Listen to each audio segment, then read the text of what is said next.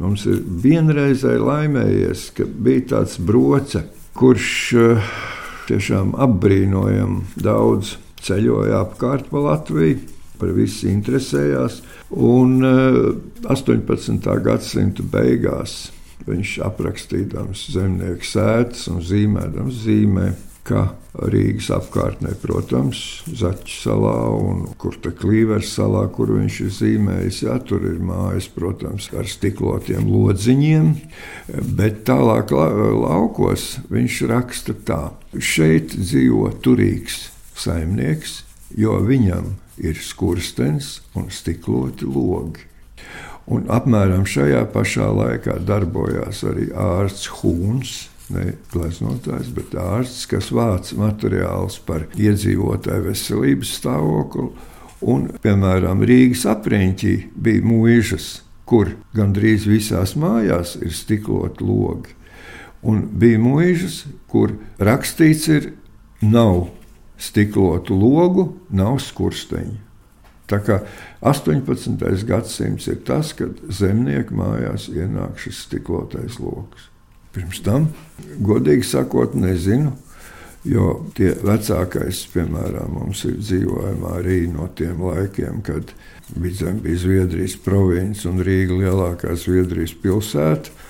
Jā, tā ir Valmieras brežu dzīvojamā Rīga.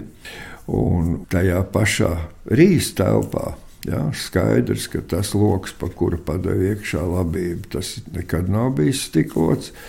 Otrs lokus arī izskatās, kad ir jaunāku laiku.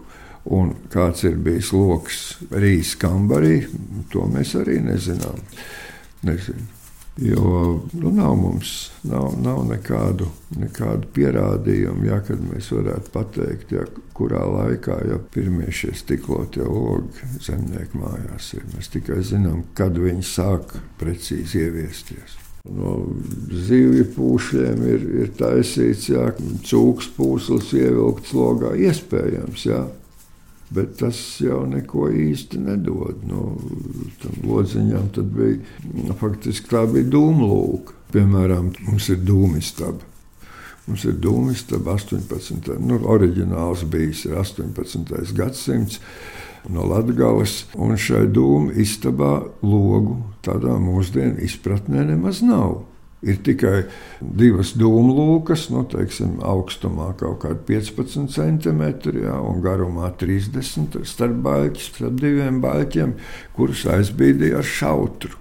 Nu, respektīvi, ar koku aizbīdi. Izlaida ārā tikai dūmus. Un viss tā viņa, viņa dzīve ja ir notikusi vai nu skalgaismā, vai, vai pavārdgaismā, vai nu, es pat nezinu, kāda īsti šis dzīvesveids bija.